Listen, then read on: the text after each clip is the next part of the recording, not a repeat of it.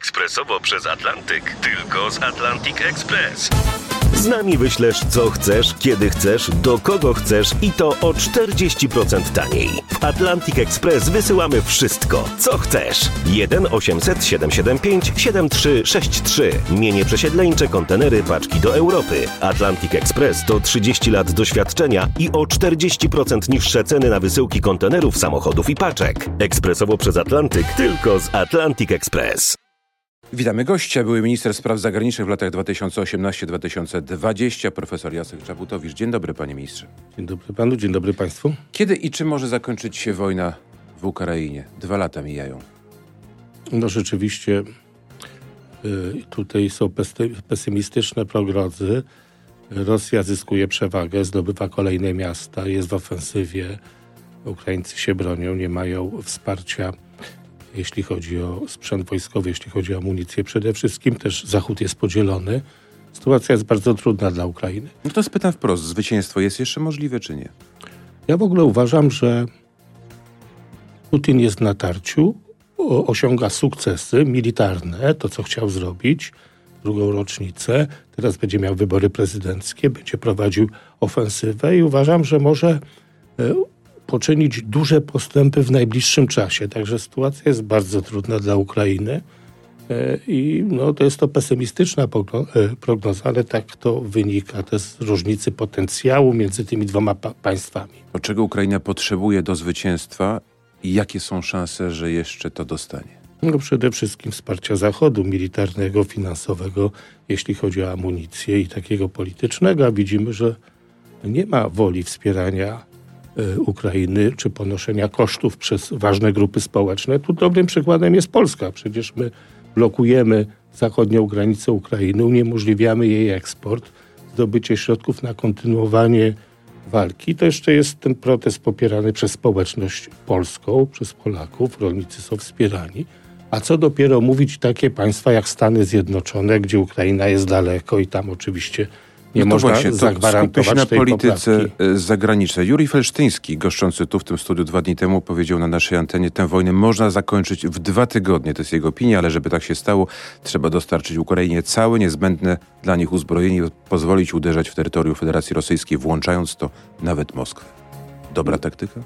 Mi się wydaje, że to jest niezła e, diagnoza z jednym zastrzeżeniem, kompletnie nierealna, bo nikt z Zachodu nie będzie ryzykował konfliktu na globalną skalę, nie umożliwi Ukraińcom atakowania celów w Moskwie, dlatego że się boi o własne bezpieczeństwo. I ani Stany Zjednoczone, ani państwa Europy Zachodniej na to się nie zdecydują. Więc można sobie tak rozważać, tylko to jest scenariusz nierealny. Kilka dni temu Bundestag dyskutował kwestię e, e, przyznania czy udostępnienia e, e pocisków średniego zasięgu Taurus Ukrainie do 500 kilometrów, nie ma na to zgody. Czyli Zachód nie jest przygotowany na to, żeby wspierać dalej Ukrainę.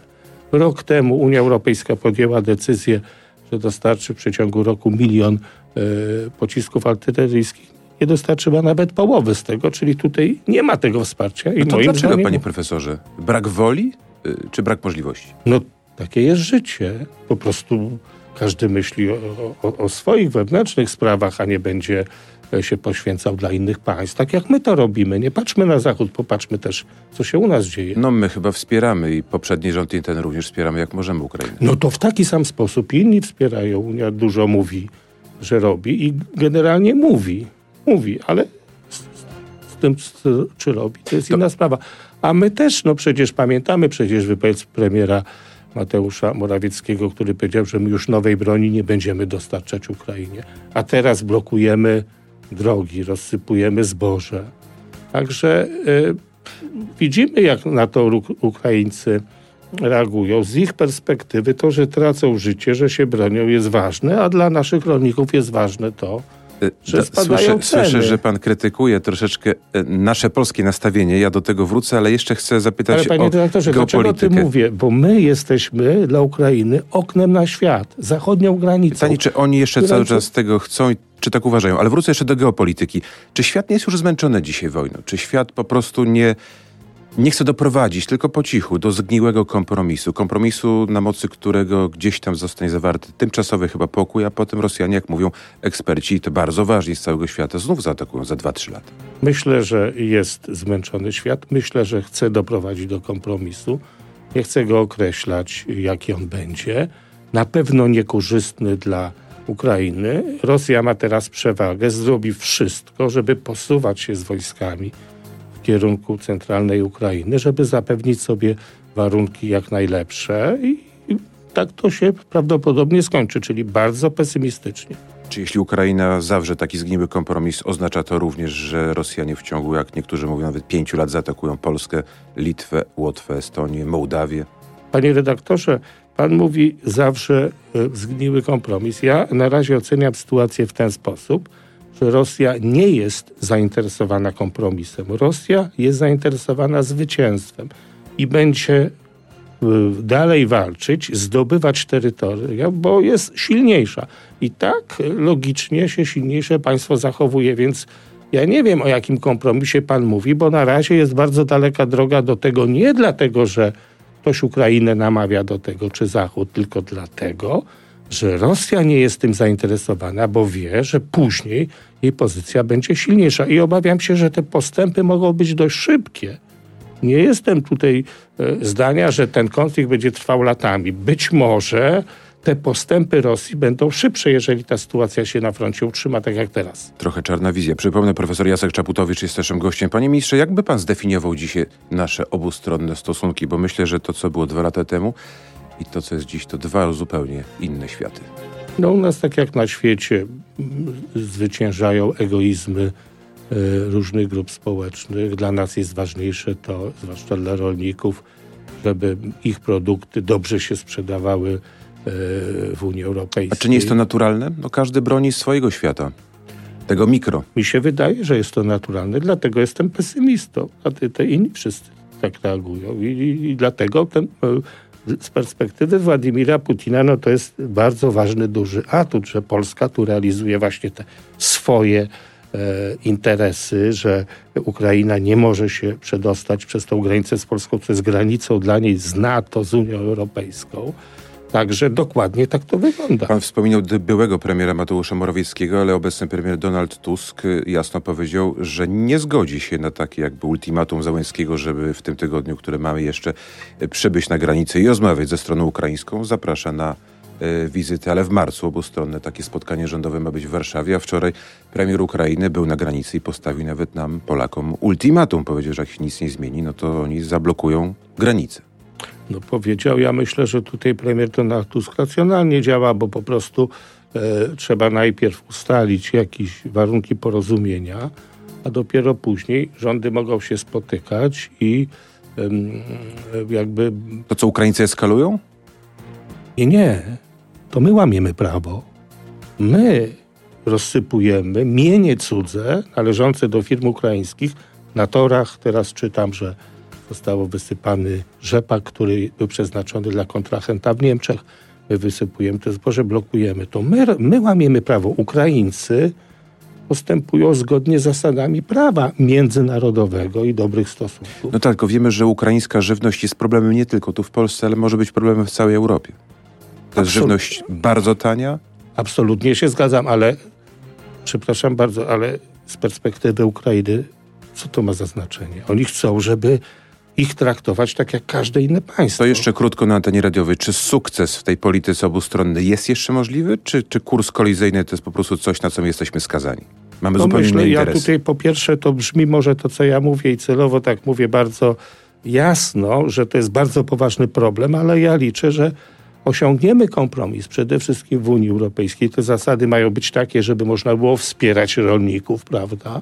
Że dokonamy pewnej rewizji tego ładu zielonego e, i że osiągniemy jakieś porozumienie z Ukrainą, jeśli chodzi o właśnie e, eksport na tereny Polski, no ale powinniśmy no przynajmniej, i to jest oczywiste, przepuszczać ich żywność przez nasze terytorium, jeżeli ona jedzie tranzytem. Jest to dość trudne, są y, różnice interesów, ale musimy sobie też zdawać sprawę, na czym one polegają. Nie możemy z, z jednej strony mówić, po, tutaj mamy rację, blokujemy granicę, a z drugiej strony mówić, że Ukraina wygra. No, ona nie wygra, jeżeli wszyscy się będą tak zachowywać. No nie ma żadnej możliwości. Profesor Jacek Czaputowicz, były minister spraw zagranicznych, jest naszym gościem. Dziękujemy słuchaczom radiowym i zapraszamy do internetu. Powiedział pan, panie profesorze, że Ukraina traktuje nas, czy traktowała, sam nie wiem, właśnie jak okno na świat. Ja zapytam pana, bo widać wyraźnie, że te nasze stosunki uległy znacznemu pogorszeniu. Kto za to ponosi winę i kiedy to się stało? No myślę, że tutaj, e, tutaj trzeba powiedzieć, ja mówię okno na świat w sensie geograficznym. Tak jak my, jeżeli chcemy coś wyeksportować do Francji, to jednak nie ominiemy Niemców. No my mamy z granicę i jesteśmy po prostu granicą no, Unii chyba, Europejskiej. przez Bałtyk i Morze Północne albo samolotem. No tak, to, to tak jak Rosja musi Ale drogą lądową bez wątpienia. Ale jesteśmy w tym sensie, a i, i, te, i dodam do tego, że ta nasza lokalizacja, położenie jest ogromnym atutem też z perspektywy naszych relacji w NATO, bo przebyła Ursula von der Leyen wczoraj, dlatego, że ona jechała, przejeżdżała przez nasze terytorium na Ukrainę. Podwój, dwa razy był prezydent e, Joe Biden w Warszawie, stąd jest dystrybuowana pomoc. My mamy pewną przewagę ze względu na nasze położenie i takie centrum tej pomocy przesunęło się do Polski. Natomiast no, stosunki popsuły się rok temu mniej więcej. I to były błędy jeszcze, myślę, poprzedniego rządu. Bo przecież na początku konfliktu, dwa lata temu, byliśmy przykładem dla świata. Przyjmowaliśmy uchodźców, wspieraliśmy, dostarczyliśmy to, co mogliśmy, jeśli chodzi o sprzęt Nazywano nas humanitarnym mocarstwem. I, I, mieliśmy no, bardzo dobrą też, tak powiem, jak powiedziałem tym przykładem, markę jako tego państwa, który z sercem reaguje, który idealistycznie podchodzi, który zajmuje się y, dziećmi, kobietami, a później to się zaczęło psuć. Ja myślę, że właśnie te różnice interesów i ta polityka, oczekiwania od Ukrainy, że potępi zbrodnię wołyńską. W czasie wojny przecież to były formalnie formułowane takie e, e, postulaty mówiące, że Polska się nie zgodzi na członkostwo w Unii Europejskiej, jeżeli zbrodnia wołyńska nie będzie potępiona przez wiceministra spraw zagranicznych, bo to pamiętam. Wspieranie też tych protestów, bo przecież my nie daliśmy sobie radę z transferem tego zboża przez terytorium Polski. Okazało się, że polski e, minister rolnictwa zaapelował, by nie skupować polskiego, nie, rolnicy nie sprzedawali zboża, bo zdrożeje i w tym czasie firmy zapełniły magazyny zbożem z Ukrainy. To ile no w winy rządzie. po naszej stronie, a ile po stronie Kijowa? No ja myślę, że e, jest wina po naszej stronie. Całkowita?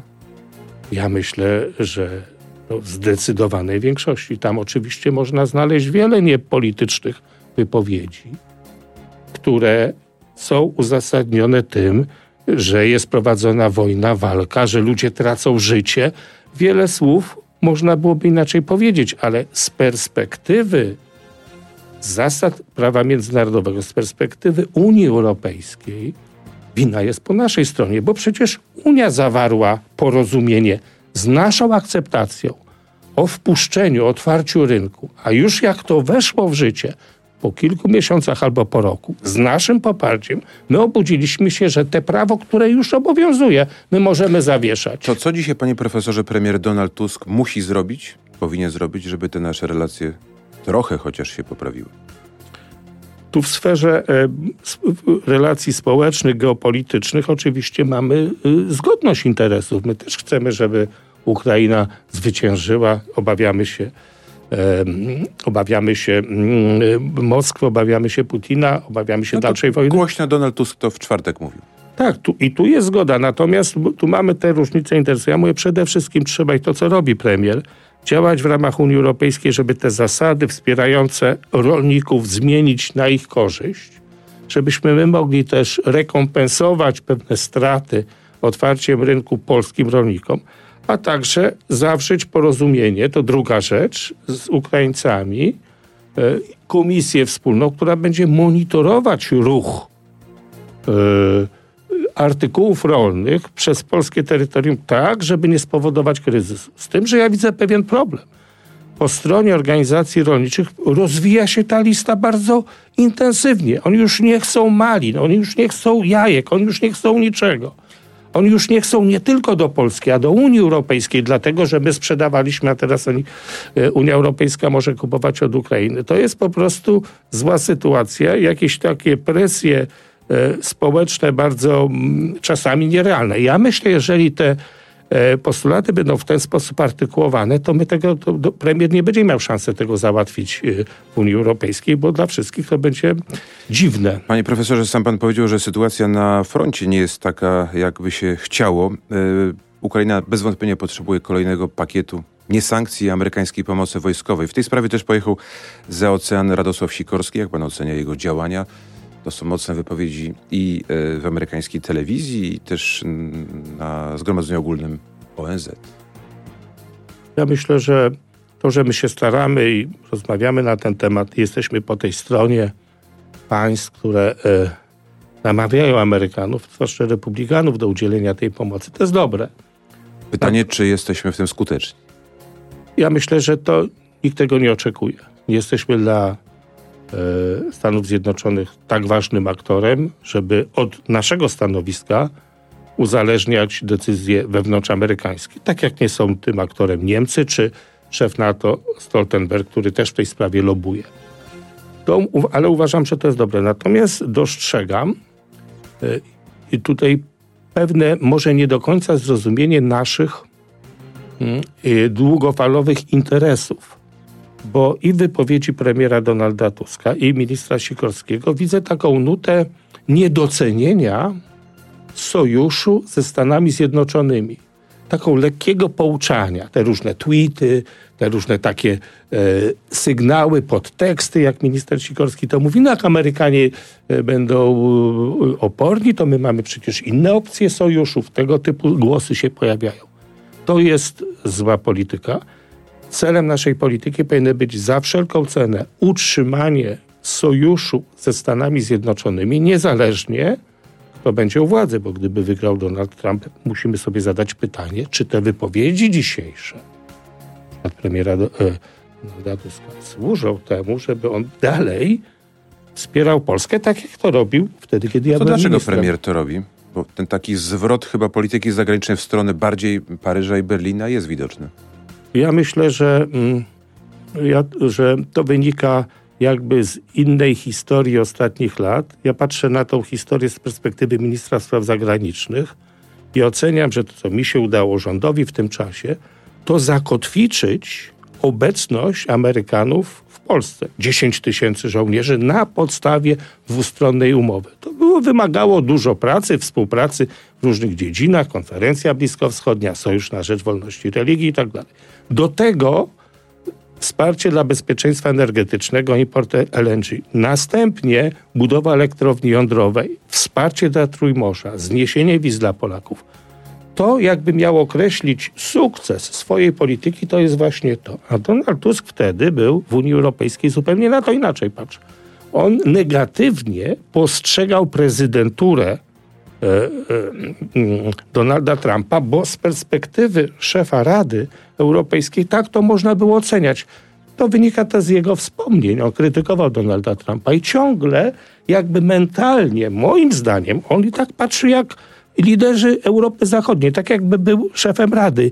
Nie patrzy na to, tak jak ja to teraz interpretuję, z perspektywy interesu Polski. A w naszym interesie jest utrzymanie Stanów Zjednoczonych i to, co jest i naszym plusem jest, że ta obecność, to zaangażowanie właśnie w czasie Donalda Trumpa, ona ma podstawy umowy dwustronnej, a nie w ramach NATO. To zapytam raz jeszcze, dlaczego w takim razie Donald Tusk taką politykę preferuje? No podkreślam, uważam, że jeszcze do tego, że jeszcze nie zrozumiał tych nowych uwarunkowań, Przecież jest wytrawnym politykiem. No, nie, no, gdyby byłby wytrawny, by tych tweetów nie robił.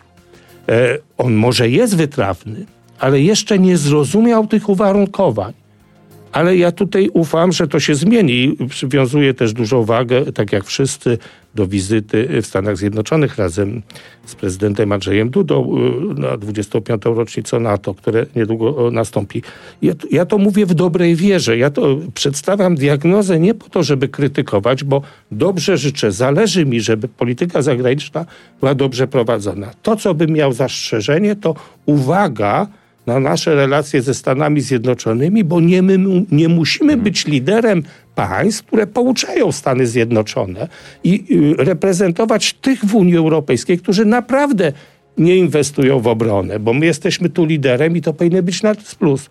Nie wychodźmy przed szereg, niech inni się tłumaczą wobec Donalda Trumpa, dlaczego nie wydają tyle, ile obie- do czego się Panie zobowiązały. profesorze, to ważne pytanie, bo sam pan powiedział o tej wizycie. Co ona może przynieść i dlaczego taki format? No bo chyba nigdy do tej pory nie było czegoś takiego, że wspólnie do Białego Domu jadą i premier i prezydent. Panie redaktorze, 25 lat temu był, był taki format. Pierwsze spotkanie NATO po naszym przystąpieniu. Tam był prezydent Aleksander e, Kwaśniewski i premier e, Jerzy Buzek. Także to było. I to, jest, e, to też daje pewną podstawę, żeby powtórzyć to, ale jest tutaj e, e, bardziej praktyczne wytłumaczenie. Otóż dla prezydenta Stanów Zjednoczonych partnerem tradycyjnie jest prezydent Polski Andrzej Duda. Natomiast po to, żeby reprezentować społeczeństwo, naród, ważny jest też ktoś, kto ma świeży mandat społeczny. I Donald Tusk ma poparcie.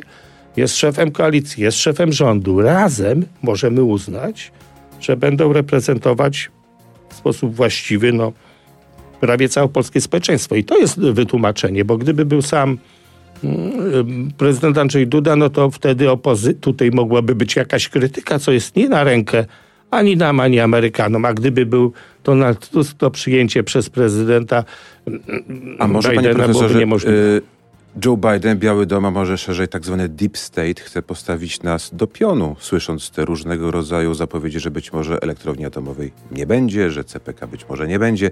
Coś, co chyba Amerykanom y, no, nie do końca może odpowiadać. Nie sądzę.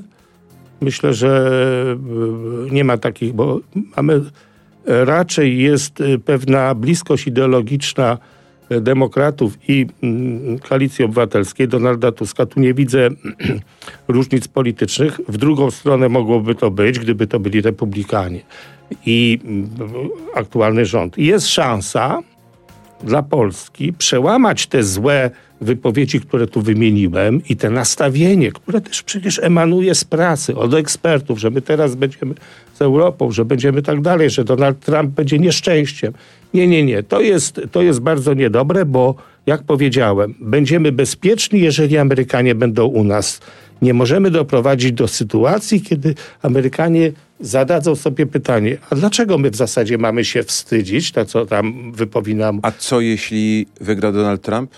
On zapowiada wycofanie przynajmniej w jakiejś stopniu i części Ameryki z Europy.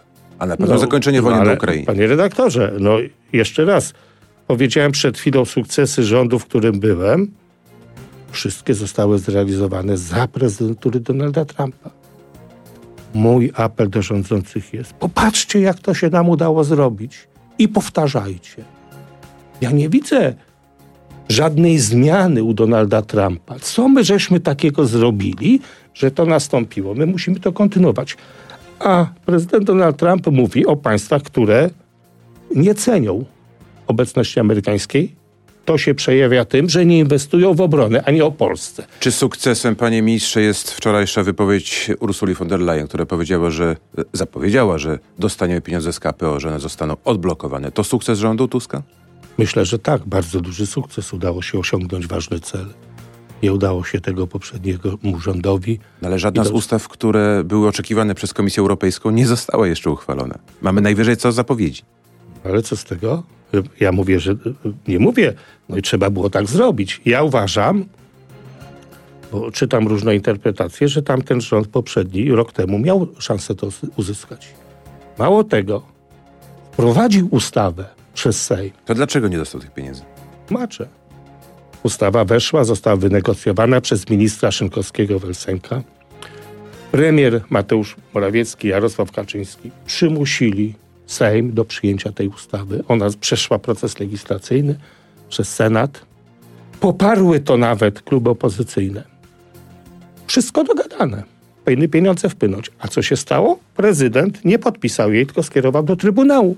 Jak dobrze wiemy, Trybunał nie zajął się tym przez wiele miesięcy. To jest powód, dla których nie dostaliśmy tych pieniędzy. Jacek Czaputowicz, były szef z Ministerstwa Spraw Zagranicznych, był naszym gościem. Dziękuję panie profesorze, dziękuję państwu. Dobrego dnia. Dziękuję.